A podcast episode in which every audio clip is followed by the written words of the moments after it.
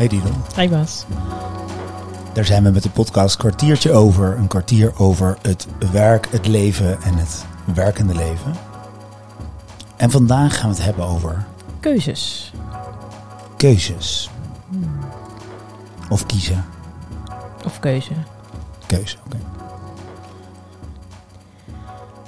Ja. Is er iets te kiezen? Dat denk ik wel. Ja. In mijn optiek is er heel vaak wat te kiezen eigenlijk. Ja, en als je die vraag zo stelt, is er iets te kiezen? Ja, sommige mensen hebben over bepaalde dingen geen keuze te maken. Dat kan niet. Of dat, nee, dat kan niet. Oh ja. Ja.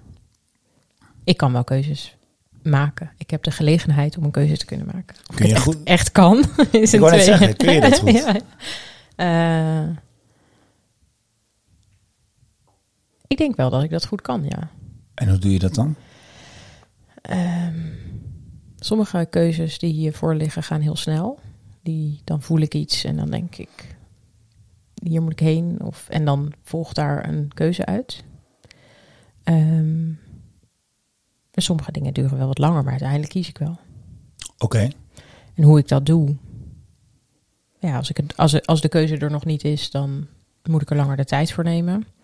Of heb ik misschien iets anders nodig. Maar ik weet inmiddels wel wat me helpt ook om een keuze te maken. Dus bijvoorbeeld even met jou praten of iemand anders. En bij mij komt het heel vaak in het, in het gesprek wat ik erover heb. Daar krijg ik dan inzicht en uiteindelijk ga ik voelen. En dan daalt er iets in en dan weet ik wat ik bedoel. En is dat dan ook hoe je kiest? Met gevoel? Ja. En hoe weet je dat? Omdat ik sommige dingen maar niet uit kan leggen, maar dat zit in mijn buik. Oh ja. In eerste instantie. Dan kan ik er later wel woorden aan geven, denk ik. Ja. Het ligt ook wel aan het type keuze wat je moet maken, denk ik. Wat we s'avonds gaan eten. Ja, die keuze. Ja, eh, ik kan prima de, de Albert Heijn inlopen en dan bedenken... oh, dan wordt het dit. Prima, dan kies je. Maar met eten is het meestal, tenminste bij mij niet, dat ik niet kan kiezen uit vijf super, super leuke dingen waar ik super veel zin heb om te koken. Het is meer dat ik niet eens één ding kan kiezen. Ja, Dus eigenlijk is het dat, dat is misschien niet eens een keuze, dat is gewoon inspiratie of soort van, ik, als ik al, namelijk al één optie heb die ik goed vind, dan, is, het, een- dus Ja, bij een keuze Ja. voel ik meer dat er twee alternatieven zijn of Mm. meerdere die, die dus moeilijk lastig af te wegen zijn. Mhm. Tenminste, en dan krijg je ook nog dat als er één heel voor de hand liggend is en de andere is heel slecht. Vaak ervaar ik dat ook niet als een keuze. Dan die ligt al voor. Die is al duidelijk. deal. Ja, Ja. dan is het er. Ja. Wat vind jij typische dingen waar je een keuze dan over zou maken? Nou, ik, ik ben zelf denk ik wel goed in grote keuzes, Mhm. maar niet in kleine. Dus hoe kleiner de keuze wordt, hoe lastiger ik het vind. Misschien nou ook omdat de relevantie net niet hoog genoeg is, maar het effect het wel kan zijn. Heb je een voorbeeld? Eh, nou, mijn bekendste keuze is altijd: ga ik met de auto of met de trein? Mhm. En dat. ehm, en dan als de plek waar ik naartoe ga niet te bereiken is met de trein, is het natuurlijk heel simpel. Maar neem nou eh, hier, hier naar, naar dit kantoor komen. Dat kan op beide manieren. Ehm, auto is veel duurder gezien eh, de parkeerkosten hier.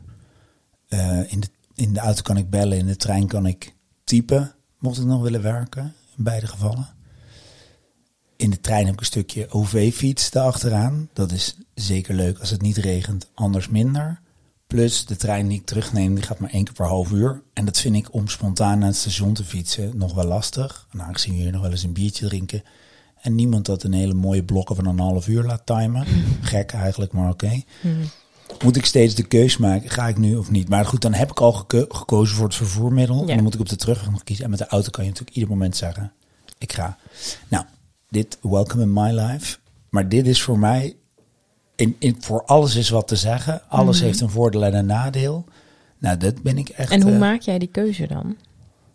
Als die niet logisch voor ligt dat je iets heel groots mee moet nemen en dus met de auto moet. Maar als je deze allebei hebt en het kan allebei, nou, het zijn- regent niet, hoe maak je je keuze? Er zijn meerdere dingen. Ik realiseer me bijvoorbeeld ook dat als twee keuzes bijna even goed zijn en ze Mhm. zijn beide positief, dan kun je dus niet verkeerd kiezen, want Ja, je kiest altijd iets goeds.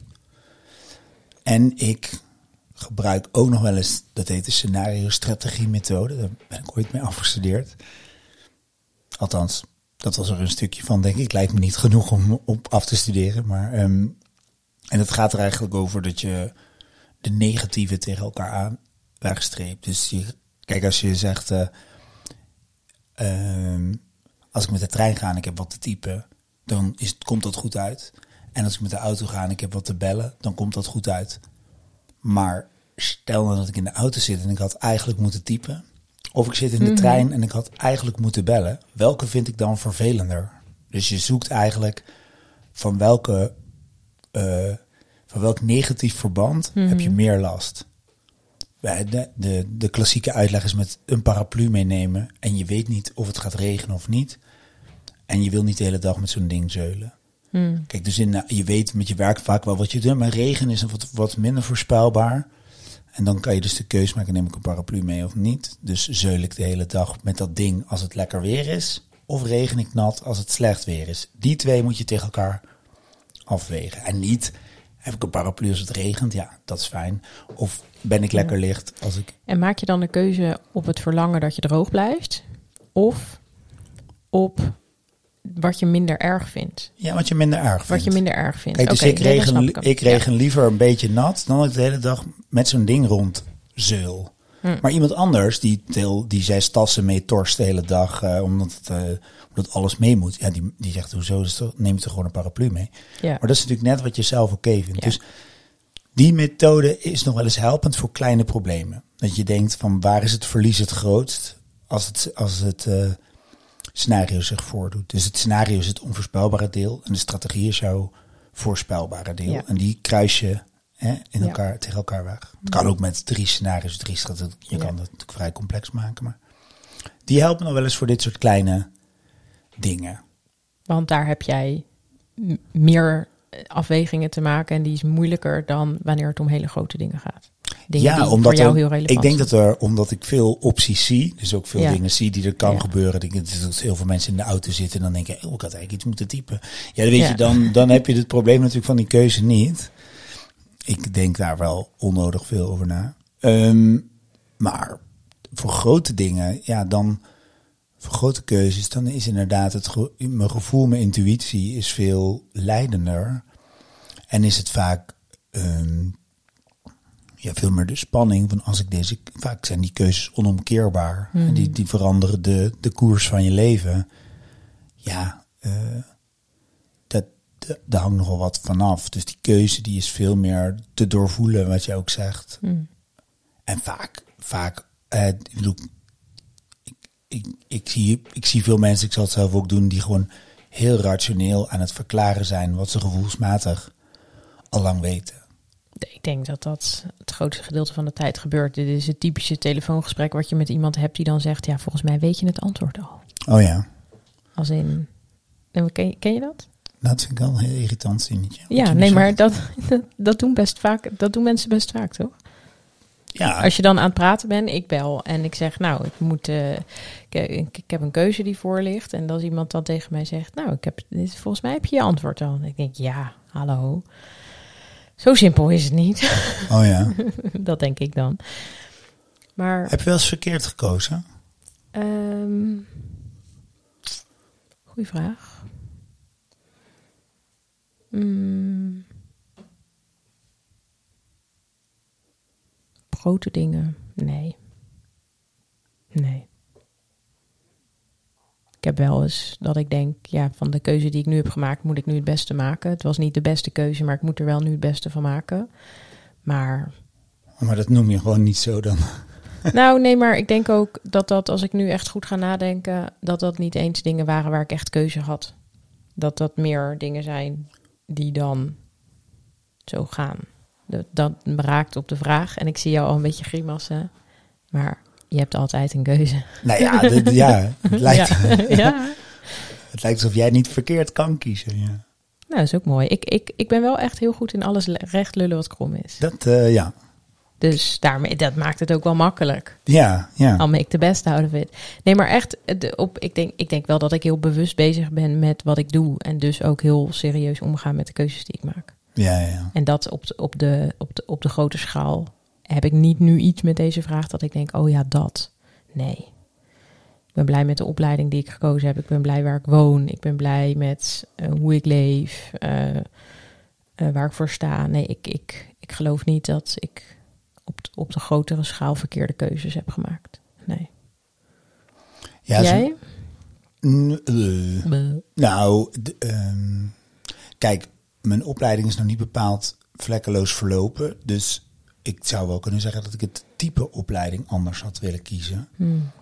Maar ik weet ook niet of die er waren. Hmm. Opleidingen waarbij je uh, ja, niet eerst het licht uit je ogen werd geslagen met theorie, zodat je nooit meer zin had om iets daarmee te doen. Ja, ja dat is natuurlijk. Hè, dat hebben we eerder in de podcast over muziek gehad. Ja, als je iemand eerst, eerst helemaal doodslaat met, uh, met, met het meest saaie, niet-muzikale van muziek. En daarna zegt, goh, mensen zijn niet meer gemotiveerd. Hè, dus de type, ja. het type opleiding, dan had ik wel anders gewild. Maar ik weet niet uh, of ik op een andere manier uh, dat vak had kunnen leren. En op zich ben ik ben ik niet in dat vak aan het werk nu, maar daarmee is de keuze nog niet verkeerd. De stad waarin die studie was, was heel leuk. De mensen die ik heb ontmoet. Dus wat dat een raad. Ja, en ik hoor je volgens mij ook zeggen, misschien was er ook op dat moment geen andere keuze. Volgens mij zou jij misschien het hele opleidingssysteem wel anders inrichten. Alleen die keuze lag niet voor. Nou ja, die heb ik niet genomen. En ja. je zou nog in het buitenland kunnen gaan studeren, mm. kijken waar het daar is of zo. Dat, nou ja, dat had ik misschien kunnen doen. Maar van de andere kant, ja, ik hou ook echt van, van hier, van in Nederland zijn. En uh, ik heb altijd een vrij specifieke. Mensen zeiden vaak, ik wil in het buitenland studeren. Dan dacht ik, nou, dat is nogal een ruim uh, gebied. Dat is alles behalve Nederland. ik was veel specifieker. Ik wilde gewoon in Nederland studeren. Ja. Dat Haringje kan. erbij. Met dat je dit zegt, kan ik wel denken. Ik heb, die, ik heb wel sommige dingen waar ik vaak over nadenk van de keuzes die ik niet gemaakt heb. Oh ja? Ik had bijvoorbeeld heel graag nog wel echt alleen willen reizen. En nu, zou ik, nu doe ik dat niet meer zo snel. Waarom niet? Omdat ik drie kleine kinderen heb. En? Ja, vind ik dat niet zo heel handig. Maar, maar, dan, ja, maar dan heb je dus ook een beeld van hoe lang je moet reizen. Jazeker. Oh, lang. Ja. wat is het langste wat je dan ooit samen hebt gereisd? um, ik bedoel, waar, waar hebben we het over? Zes, zeven weken. Dat is het langste dat wij samen gereisd hebben. Oh ja. Ja. En hoe lang zou je, maar hoe lang zou je alleen willen reizen dan? Ja, wel vier, vijf maanden. Oké. Okay. Ja. En het vind je wel een probleem omdat je kinderen hebt en niet omdat je een partner hebt? Ik hoop niet dat die deze... Nee, eigenlijk niet. Oké. Okay. nee, ja. Nou. Nee, wij kunnen wel een half jaar zonder elkaar in dat opzicht. nee, dat denk ik echt. Ja, maar daar, daar komt het dus om de hoek van, nou, wat wil je echt? Nou, oh ja. ik, ik zou dat wel echt willen. Alleen nu omdat... En, en ik kan echt terugkijken en bedenken... Um, en het is ook niet voor niks dat het niet gebeurd is, gegeven de omstandigheden die er waren. Maar ik, ik kan nu terugdenken, oh, daar had ik eigenlijk wel, had ik dat heel graag gewild. Ja, oké, okay, maar bedoel, over tien jaar uh, ja. kan de jongste toch ook wel een half jaar zonder inhouden. Misschien niet over tien jaar, maar zeg over vijftien jaar. Ja. Dan ben je nog hartstikke jong. Dank je, Bas. Dan ga je toch dan? Ik bedoel... Ja, ik, nee, nee, maar en, en volgens mij zit er aan de andere... Nu je, nu je dit raakt, nee, dit is problem solved, hè. Ik ga over 15 jaar, ga ik lekker een half jaar over de wereld reizen. Dank je. En ik zal het even in mijn agenda zetten. Maar aan de andere kant, er zijn volgens mij ook dingen in je leven waar je later inzicht op hebt. Waar je niet de keuze, gevoelsmatig, zeg maar, weet ik het, tien jaar geleden was, lag deze keuze mij niet voor, omdat ik me er niet bewust van was. Dat ja, ik dat okay. verlangen heel erg had, zeg maar. En nu denk ik, ah ja, dat, dat kan nu niet. En, en is alles de vraag kan. of je dus dat verlangen had. Is ook, ja. ja. Want misschien heb je het gezien, heb je de verhalen Ja. gehoord van ander. En denk je dan, dat had ik ook gewild. Dat klopt, dat verlang je nu. Maar toen dus niet. Nee, maar ja, dat... Ik denk dat dat wel, kijk, als mensen iets succesvols doen, of je ziet hè, ze, ze gelukkig zijn of ergens blij mee zijn, dan kan ik ook sterk voelen, hé, had ik dat ook maar gekozen. Ja, Maar sowieso de effort die erin gaat, eh, die zie je vaak niet. Je ziet vaak het resultaat. Misschien ja, heeft die persoon ook heel veel moeten achterlaten om die reis te maken, of die had helemaal geen knaken en heeft het, et cetera. Mm. Dus dat. En ik denk inderdaad dat vaak achteraf... Ik had dat ook, dat ik dacht over mijn studententijd... Had ik maar meer... Nou, en dan dacht ik... Ja, ding, dingen als vakanties of, of, of skivakanties en zo. Wat, wat heel veel studenten deden. En ik, was, en ik dacht altijd, nou ja, ik ben gewoon helemaal prima hier, weet je. Ik ging niet zo ver weg. En dan denk ik dat later, maar dan voel ik van, nee, maar dat had ik toen helemaal niet. Nee, volgens gewoon- mij is er ja. dan dus ook wat je te kiezen hebt in het leven, als je dat al hebt, dat ligt op dat moment voor. Dus dat terugkijken, dat, dat heeft ook eigenlijk helemaal niet heel erg veel te maken met de keuzes die we nu kunnen en mogen maken in ons leven, denk Ja. ik. Ja. Kwartier is op. Dat is ook een keuze. Ja. Ja. Het is keuze om ons aan dat format te houden. ja. Wat neem je mee? Ehm, ja, wat neem ik mee? Ehm, wat blijft hangen is eh, eh, dat er dus keuzes zijn op, eh, die, die heel duidelijk zijn en keuzes die wat langer tijd nodig hebben. Dat word ik me eventjes weer heel erg bewust. En dat is helemaal oké. Ja, wat, wat, wat nog bij mij binnenschoot is dat je... Ik zag een tijdje geleden een plaatje van een soort vertakking van je levensloop. En ieder tak was een keus die je niet had gemaakt. Hmm. En één tak was zeg maar ingekleurd. Dat was je levenspad van alle keuzes die je wel had gemaakt. En tot de dag van vandaag had je dus heel veel takken die je niet had gelopen. Je ongeleefde leven. Maar vanaf vandaag beginnen weer allemaal nieuwe takken die je weer kan kiezen. Uiteindelijk loop je maar één tak. Mhm. Maar het aantal keuzes wat je, wat je niet hebt genomen, het begint iedere dag opnieuw. Dus iedere dag kun je dat weer doen. Dat Ja, kan je heel fatalistisch zien, want ik ga heel veel dingen niet doen. Maar je kunt ook weer iedere dag opnieuw kiezen. Zoals bijvoorbeeld voor een wereldreis over 15 jaar. Nou, goede reis. Dank.